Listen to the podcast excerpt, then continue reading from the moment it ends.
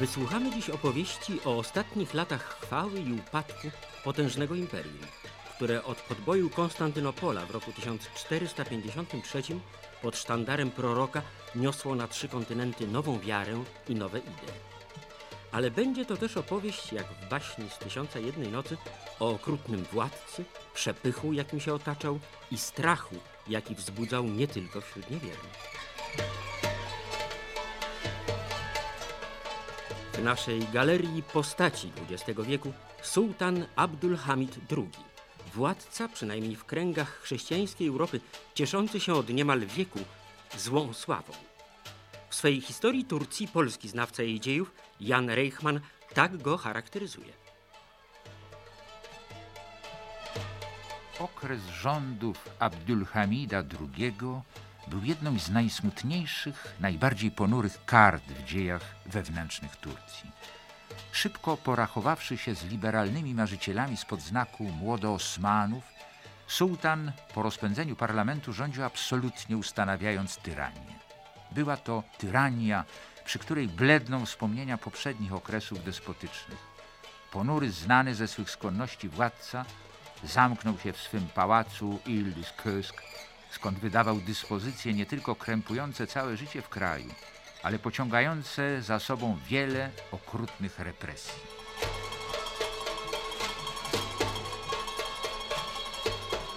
Ale inny nasz historyk, Tomasz Wituch, w książce Tureckie Przemiany kreśli też odmienny obraz owego władcy.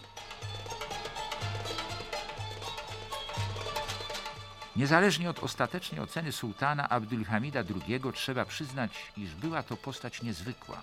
Okres jego panowania, obejmujący 33 lata, jest bardzo trudny do jednoznacznej oceny. Potworne rzezie Ormian z lat 90. zyskały ponure miano krwawego sułtana. Ostry sprzeciw i niechęć budziły metody jego autokratycznych rządów. A mimo to panowaniu temu nie można odmówić osiągnięć a władcy niezwykłej inteligencji i umiejętności rządzenia.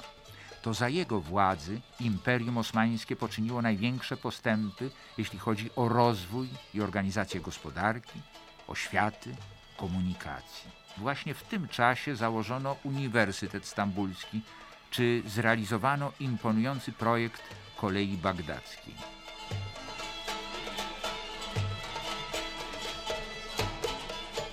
A zatem, gdy tyle już lat minęło od ostatecznego upadku Imperium Osmańskiego, spróbujemy spojrzeć na jego ostatniego władcę wspólnie z historykiem młodszego pokolenia, doktorem Dariuszem Kołodziejczykiem, bardziej obiektywnie, a może i bardziej sprawiedliwie.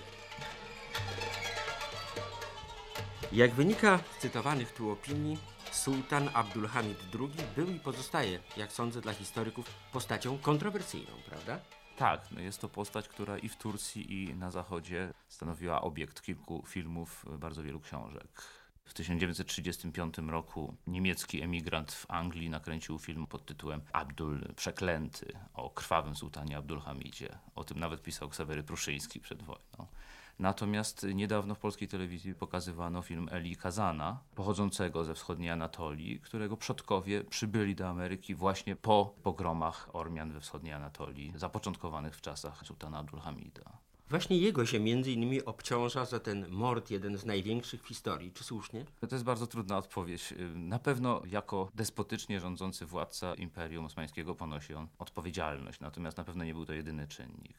Co więcej, do dzisiaj historycy nie ustalili ostatecznej liczby Ormian, którzy zginęli podczas tych rzezi. Mam na myśli te rzezie 1894-96, bo później była jeszcze cała seria pogromów w okresie I wojny światowej. Mówi pan władca absolutny ale przecież wszyscy sułtani rządzili właśnie w ten sposób, tym e. ogromnym mocarstwem w swoim czasie. To jest pewien stereotyp.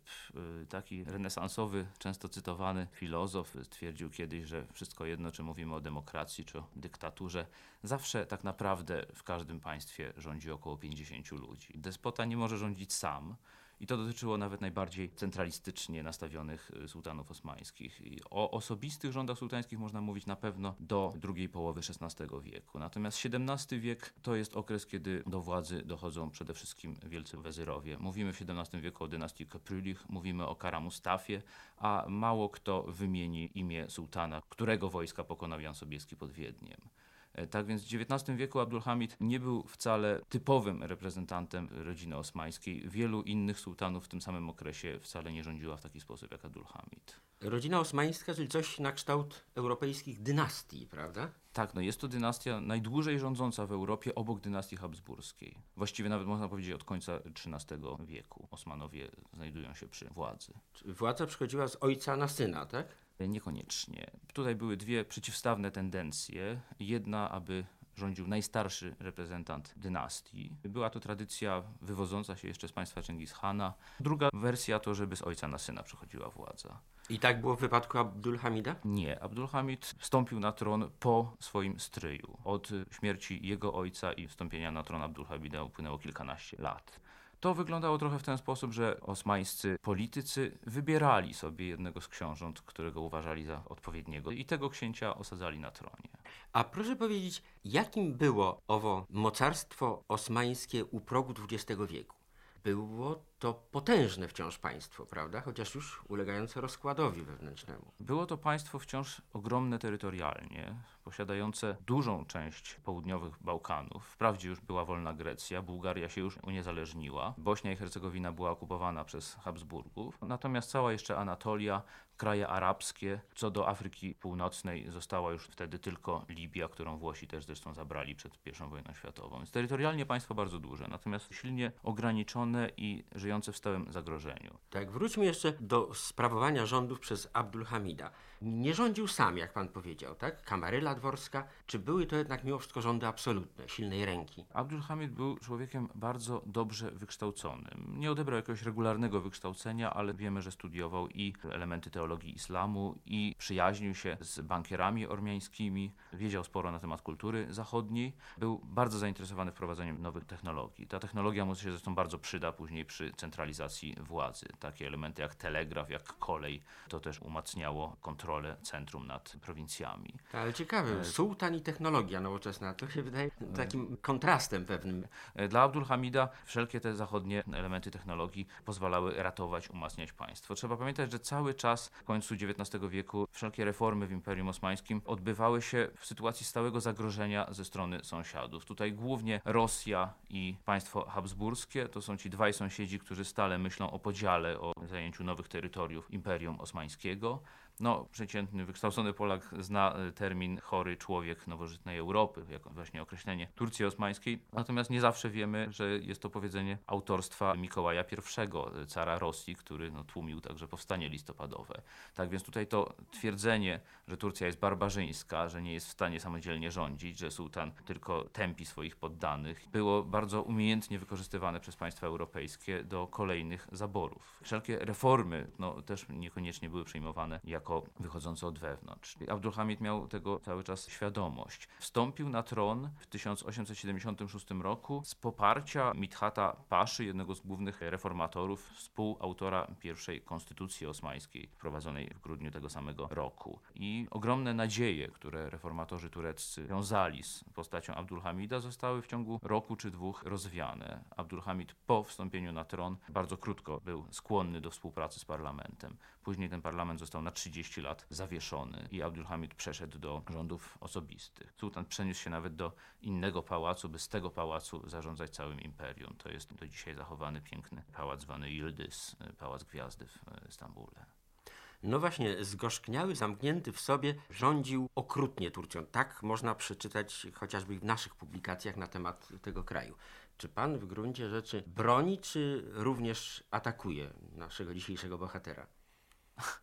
Abdulhamid miał dotąd bardzo złą prasę, ponieważ, jak już powiedziałem, zwłaszcza państwa sąsiednie próbowały przedstawić go w najgorszym świetle, by usprawiedliwić podboje. Natomiast w samej Turcji ruch Kemala Paszy, ruch Atatürka wyszedł z opozycji młodych oficerów przeciwko reżimowi Abdulhamida i cała tradycja Turcji republikańskiej przedstawiała również rządy Abdulhamida w jak najgorszych barwach. No, nie da się usprawiedliwić pewnych elementów, jak właśnie rzezi etnicznych, które się pojawiają w tym czasie w Turcji za aprobatą, czy przynajmniej milczącym przyzwoleniem władz. Drakońska cenzura, która niekiedy prowadziła do humorystycznych wręcz efektów, na przykład, co cytuje Bernard Lewis, nie wolno było w prasie osmańskiej wspominać o tym, że jakiś władca zginął w wyniku zamachu. Stąd, kiedy zamordowano amerykańskiego prezydenta McKinleya w 1901 roku, osmańska prasa podała, że zmarł on na czyraki. Elżbieta cesarzowa austriacka umarła z kolei na zapalenie płuc ta straszna cenzura powodowała, że prasa właściwie nie mogła służyć normalnemu życiu politycznemu w e, Imperium Osmańskim. Z drugiej strony właśnie za Abdulhamida ta prasa się rozwija, powstaje stały krąg czytelniczy. Może nie jest to prasa porównywalna z prasą europejską, ale jest to już prasa nowoczesna. Rośnie ilość ludzi, którzy tę prasę czytają. No jak wiemy, jest to jeden z warunków powstania nowoczesnego społeczeństwa. Czy z tego wynika, że dyktatorem być musiał, żeby utrzymać to wielkie mocarstwo ciągle, a już rozpadające się? To była jego recepta. Próbował to zrobić. Charakterystyczne, że oficerowie młodotureccy, którzy powstali przeciwko niemu w 1908 roku, ostatecznie zdetronizowano go rok później, powstali, by ratować całość i jedność Imperium Osmańskiego. Tymczasem właśnie po tej rewolucji młodoturków następuje okupacja Libii i wysp Dodekanezus, wyspą Rodos przez Włochów. Następuje pierwsza wojna bałkańska, w wyniku której Turcja właściwie niemal zupełnie została wypchnięta z Europy. Podczas kiedy w czasach Abdulhamida Imperium Osmańskie od 1870 zachowało się właściwie w prawie niezmienionych granicach. Tak więc Abdulhamid do pewnego stopnia powstrzymał ten rozpad, przynajmniej terytorialny rozpad imperium. Technologia, którą wprowadzał, umożliwiała zwiększenie kontroli. Tu jest ten telegraf, o którym wspomniałem. No, dzięki telegrafowi można było dosyć szybko reagować na wszelkie y, informacje na temat buntów w prowincjach, na temat zagrożeń.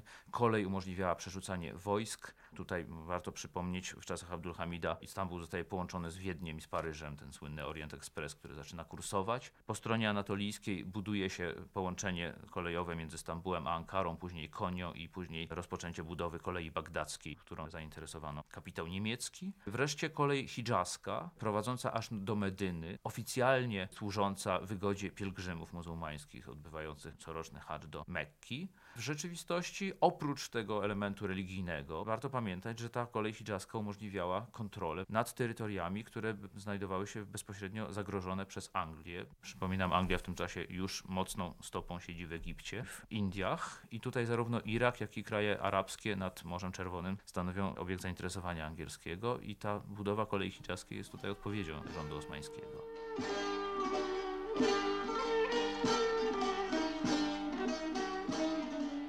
Odwołajmy się jeszcze do charakterystyki władcy, jaką znaleźć można w książce Tomasza Witucha Tureckie przemiany. Sprzeczność tkwiąca głęboko w całym systemie rządu stworzonych przez Abdulhamida II objawia się w wielu polach i nadaje samemu sułtanowi jego panowaniu rys niezmiernie tragiczny. Obrazowo mówiąc, Abdulhamid przypomina bardzo zdolnego, precyzyjnego i oddanego swemu rzemiosłu ponad wszystko zegarmistrza, który dopasowując i mozolnie montując wszystkie części zegara, jednocześnie uparcie nie chciał wmontować do mechanizmu sprężyny. Tą sprężyną popychającą rozwój społeczeństw europejskich była dawno przez nie przyswojona zasada stopniowego rozszerzania uczestnictwa coraz liczniejszych warstw społeczeństwa we wszystkich sprawach publicznych. To nie mogło się zmieścić w wyobraźni władcy osmańskiego i było przez niego odrzucane jako zaprzeczenie samego pojęcia władzy, czyli jako droga do zguby państwa. Wszelkie pomysły liberalizacyjne i decentralistyczne uważał on za szkodliwe w najwyższym stopniu. Żałosna nieporadność pierwszych sesji parlamentu zraziła go ostatecznie do wszelkich tego typu innowacji. Sułtan nie ufał swym ministrom i doradcom, ich mądrości politycznej, uczciwości i przywiązaniu do osmańskiej dynastii. Był zresztą do głębi przekonany, jak każdy autokrata, że tylko jego wola w pełni odpowiada i realizuje rację stanu.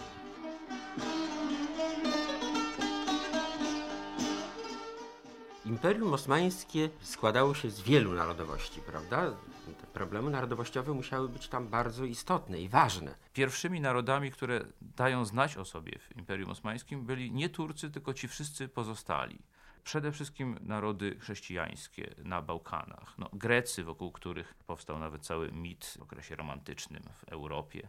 Byron Mickiewicz, no, interesujący się właśnie odrodzeniem greckim. Później Serbowie, Bułgarzy i z drugiej strony Ormianie, którzy wtedy zaczynają myśleć o budowie własnych państw, o jakimś renesansie własnej kultury, uniezależnieniu się od sułtana.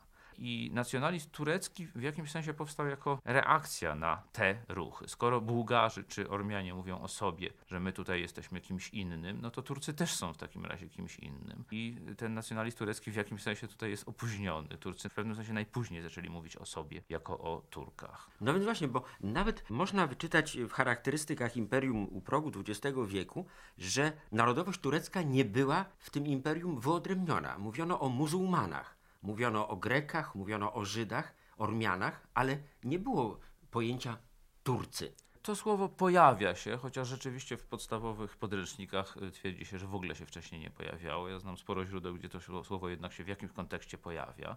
Poza tym Turcy zawsze byli nazywani Turkami w źródłach zachodnich, także w źródłach polskich. Dla nas to zawsze była Turcja, chociaż obecnie historycy starają się używać nazwy Imperium Osmańskie, a nie używać słowa Turcja dla tego państwa aż do XX wieku. Słowo Turek w XIX wieku rzeczywiście często porównywane było no, z czymś takim jak chłop, człowiek nieokrzesany, w odróżnieniu od elity, która o sobie mówiła Osmanlı, Osmanlılar, czyli Osmanowie. Nawet język dworski, język używany w gazetach, był dość odległy od języka codziennego tureckiego. Był to język, w którym znajduje się masa słów perskich, słów arabskich. Później Atatürk rozpoczął wielkie czyszczenie języka tureckiego z tych naleciałości. Tak więc y, rzeczywiście było to pewnym szokiem mówienie o sobie, my jesteśmy Turkami. To się dopiero pojawia w końcu XIX wieku. Dobrze, ale Osmanowie, a Turcy, czy to jest jakaś różnica? Abdulhamid był Turkiem? Abdulhamid był Osmanem, był kalifem e, islamskim. Wszystkim myśl, myślał w sobie w kategorii religijnej. To zresztą znowu nie jest wyłącznie tureckie zjawisko. Kiedy mamy opis taki XVII-wieczny miasta Lwowa, mówi się nie o Polakach, Rusinach, tylko o ludziach religii greckiej, ludziach religii katolickiej i na to się nakładają dopiero podziały etniczne. To samo w jeszcze większym stopniu mamy w Imperium Osmańskim. Przede wszystkim to byli muzułmanie i muzułmanami byli Kurdowie, byli Turcy, byli Arabowie. Wracając do Abdulhamida, nam owo imperium kojarzy się z odległymi czasami, z tymi wspaniałymi pałacami, które dotąd przetrwały w Stambule. Czy ów przepych obowiązywał jeszcze w czasie panowania Abdulhamida? Czy miał swój harem? Czy miał wspaniałe ogrody? Tysiąca jednej nocy i baśni słuchał? Był, co więcej, ten przepych nawet jeszcze w XIX wieku został jeszcze bardziej podniesiony. Ogromne pieniądze szły na rozbudowę pałaców. To nie tylko dotyczy Abdulhamida, może nawet jego w mniejszym stopniu. Co do haremu, oczywiście harem miał, było w tym haremie kilkaset kobiet, co wcale nie znaczy, że sułtan sypiał ze wszystkimi tymi kobietami, jak to niedawno w jednej z książek wyczytałem. Często nasze wyobrażenia na temat haremów są po prostu projekcją marzeń zachodnioeuropejskiego mężczyzny o wizycie w luksusowym domu publicznym. W rzeczywistości to życie w haremie nie służyło ekscesom seksualnym, co nie znaczy, że się to nigdy nie pojawiało. Była to bardzo schierarchizowana instytucja służąca apoteozie władcy z jednej strony, z drugiej strony wychowaniu książek książąt, całe tutaj życie toczyło się właśnie na terenie pałacu. Czyraan, y, w którym wychował się Abdulhamid, był podzielony na dwie części, na część żeńską i męską. I później Abdulhamid, y, trochę skrępowany tym życiem w Wielkim Pałacu, przenosi się do tego pałacu Gwiazdy, pałacu Yıldız. No, Abdulhamid był też znany jako germanofil i tutaj do historii przeszła bardzo bliska współpraca między Wilhelmem II, między Rzeszą Niemiecką i Imperium Osmańskim. Rzeczywiście Niemcy wydawali się stosunkowo najbardziej bezinteresownymi Europejczykami. Rzesza nie miała wspólnej granicy z Imperium Osmańskim, to już samo świadczy o tym, że tutaj nie mogła bezpośrednich terytorialnych żądań wnosić, tak jak robili to Rosjanie czy Habsburgowie. Nawet Niemcy często mitygowali Habsburgów przed kolejnymi zakusami na Bałkanach. Niemcy mieli zupełnie inną koncepcję, liczyli na to, że uda im się po prostu w ramach przyjaznych stosunków rozwijać swoją ekspansję w Imperium Osmańskim bez y, likwidowania tego państwa, właśnie w ramach państwa osmańskiego. Cesarz Wilhelm II odwiedzał Abdulhamida, obaj się razem fotografowali, jeździli na przejażdżki. Wilhelm II zostawił wielką fontannę w Stambule, za to dostawał od Abdulhamida prezenty, które do dzisiaj zdobią muzea berlińskie. Abdulhamid sprezentował ołtarz w Pergamonie. Sprezentował bramę Isztar stojącą dzisiaj w Muzeum w Berlinie. No, Abdulhamidowi wydawało się, że lepiej jest prezentować sojusznikowi obiekty muzealne niż kolejne prowincje, jak musiałby to robić z innymi sąsiadami. Wspomniał Pan o zdjęciach. Jakim był Abdulhamid II? Przyznam szczerze, nie mogę sobie wyobrazić tej postaci. No nie mam tu przy sobie zdjęcia. Był to człowiek dosyć y, szczupły, no nie uśmiechający się na zdjęciach, ale w tym czasie rzadko który władca by się uśmiechał na zdjęciach. Te zdjęcia na ogół są oficjalne i upozowane. Y, jeżdżący na ogół w fezie z kilkoma medalami na mundurze.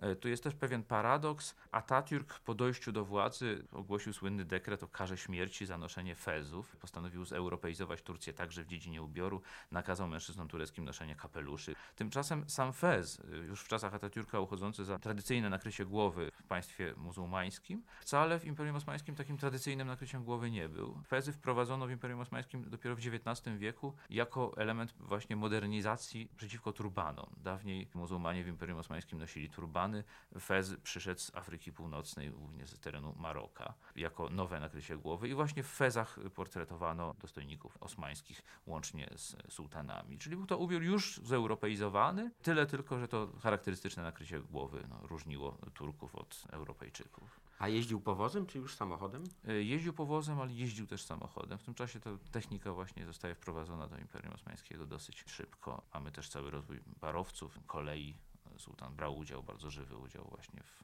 tego typu inwestycjach. Tak. Ale ostatecznie z tronu zrzucili go młodoturcy. Tak, 1908 y, rok to jest taki bardzo dramatyczny rok, zapowiadający już I wojnę światową czerwcu tego roku Edward VII, król Anglii, spotkał się z Mikołajem II w Rewlu, dzisiejszym Talinie, zaznaczając przyszłe przymierze i próbę powstrzymania ekspansji niemieckiej. I niemalże w odpowiedzi na to miesiąc później wybucha w Turcji powstanie. Młodoturcy obawiali się, że w wyniku tego porozumienia angielsko-rosyjskiego może dojść do kolejnego podziału Imperium Osmańskiego, do utraty kolejnych ziem. Uznano, że należy sułtana obalić, by temu zapobiec. Abdulhamid wprawdzie został pozostawiony na tronie przez kilka miesięcy, miesięcy przywrócił konstytucję, którą zawiesił 30 lat wcześniej. Natomiast po kilku miesiącach dochodzi do puczu zwolenników Abdulhamida i w reakcji na ten pucz ostatecznie Młodoturcy obejmują władzę w Stambule. Abdulhamid został zdetronizowany, zastąpiony swoim młodszym bratem Mehmedem V i udał się na wewnętrzne wygnanie do Salonik.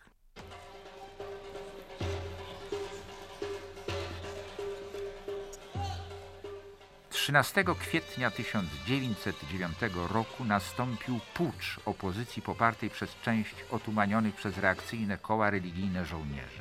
Wielu postępowych deputowanych i dziennikarzy zamordowano. Nowy rząd złożony był z ludzi starego reżimu. Nie trwał jednak długo.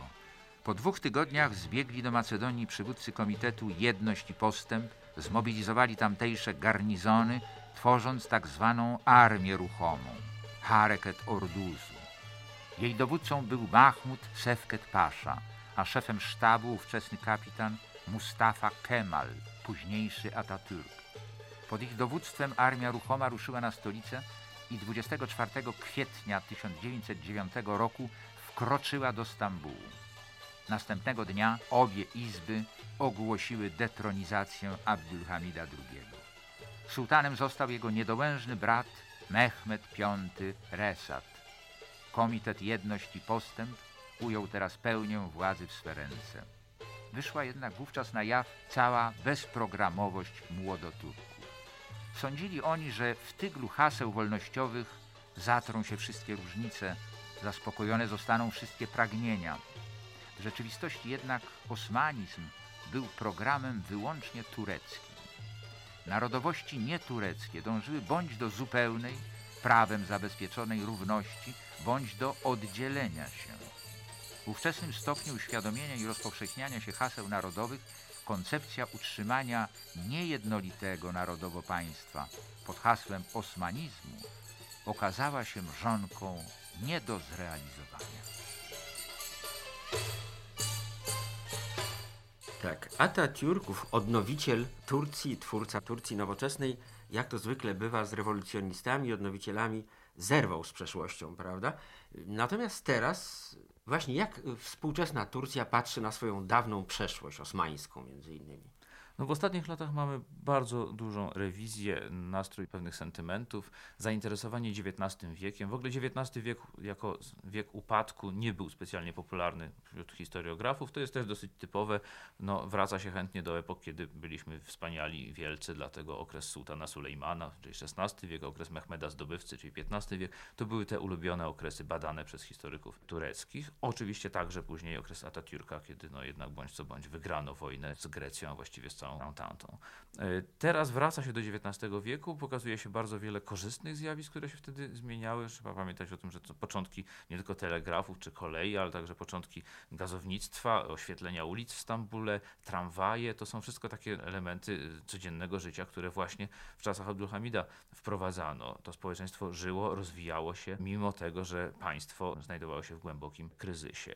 Powstaje masa wydawnictw wspomnieniowych w tej chwili, albumy fotograficzne, mamy dużą dokumentację fotograficzną Stambułu XIX-wiecznego. Czyli można uznać Abdulhamida za ostatniego z tych wielkich sułtanów, przynajmniej wybitnych postaci tego imperium. No, prawnie on sam siebie też w ten sposób by widział. To człowiek szalenie pracowity, czujący odpowiedzialność za rządzenie państwem, ponieważ był też nieufny w stosunku do współpracowników, więc starał się właściwie wszystkim rządzić osobiście, co na pewno odbijało się też na jego zdrowiu i na jego stanie psychicznym. Posiadamy bardzo ciekawą książeczkę wydaną w Turcji już kilkadziesiąt lat temu, córki Abdulhamida. Jest to jej wspomnienie o ojcu, babam Abdulhamid, czyli mój ojciec Abdulhamid. Ajsze Osmanoğlu to jest to nazwisko przyjęte już z rozkazu Atatürka, kiedy wszyscy Turcy musieli przyjąć nazwiska. Rodzina osmańska przyjęła wtedy nazwisko Osmanoğlu, czyli synowie Osmana. I Aisha wspominała swego ojca jako człowieka kochającego dzieci, chociaż mającego niewiele czasu na te dzieci. Wspomina bardzo taką dramatyczną scenę, kiedy siedmioletnia córeczka Abdulhamida zginęła w pożarze i Abdulhamid przez parę dni nie mógł się po tym pozbierać. Przedstawia go też często jako człowieka samotnego, jako człowieka próbującego ratować imperium imperium, zdającego sobie sprawę z tych wszystkich zagrożeń zewnętrznych i wewnętrznych dla państwa Osmanów. Wspomina też o jego późnym okresie życia, kiedy wysadzony z siodła, detronizowany po 1909 roku, Abdulhamid musiał udać się na wygnanie do Salonik. Sułtan tęsknił do Stambułu, w końcu po kilku latach pozwolono mu wrócić do Stambułu. Tak więc mamy całą relację o Abdulhamidzie jako o człowieku, jako o ojcu, nie tylko jako o potężnym, krwawym dyktatorze i władcy. Jakim wszedł do historii?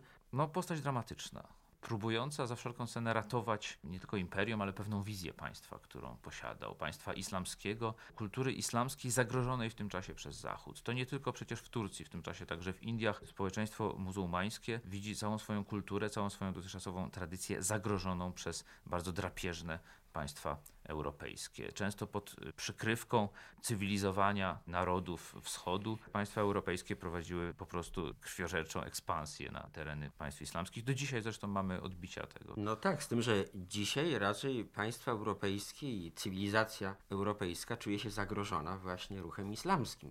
Fundamentaliści. E, tak, no jest to bardzo ważny problem z jednej strony, z drugiej strony myślę, że często wadliwie widziany, przede wszystkim tradycyjnie się widzi każdy przejaw islamu, kultury islamskiej jako fundamentalizm. Natomiast w islamie, podobnie jak w katolicyzmie czy w chrześcijaństwie jest bardzo wiele prądów. Są też prądy szalenie humanistyczne, humanitarne. W końcu świętą księgą dla muzułmanina jest także Stary i Nowy Testament. Y, Jezus był ostatnim prorokiem przed Muhammadem, który wypełnił misję. Tak więc tutaj wspólne korzenie są bardzo silne między chrześcijaństwem i islamem. Osmanowie tradycyjnie opierali się na szkole hanafickiej, takiej najbardziej liberalnej szkole w ramach tradycji islamskiej. Mamy w ramach tradycji islamskiej fundamentalizm, fanatyzm, nietolerancję, ale mamy też w tym samym islamie elementy bardzo humanitarne. Abdulhamid reprezentował którą z tych linii? Jako sułtan osmański raczej tę linię liberalną. Co więcej, próbował wykorzystywać islam nie tylko by zjednoczyć swoich własnych muzułmańskich poddanych, ale właśnie jako pewną dywersję przeciwko Anglikom, zwłaszcza w Indiach.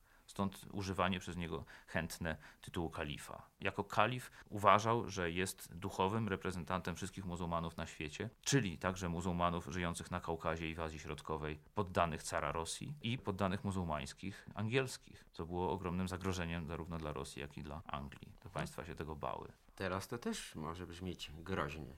No to do dzisiaj jest tak postrzegane, zwłaszcza w Rosji, ta obawa przed wpływami tureckimi. Wprawdzie Turcja odcięła się od islamu, ale mimo wszystko tutaj te obawy istnieją.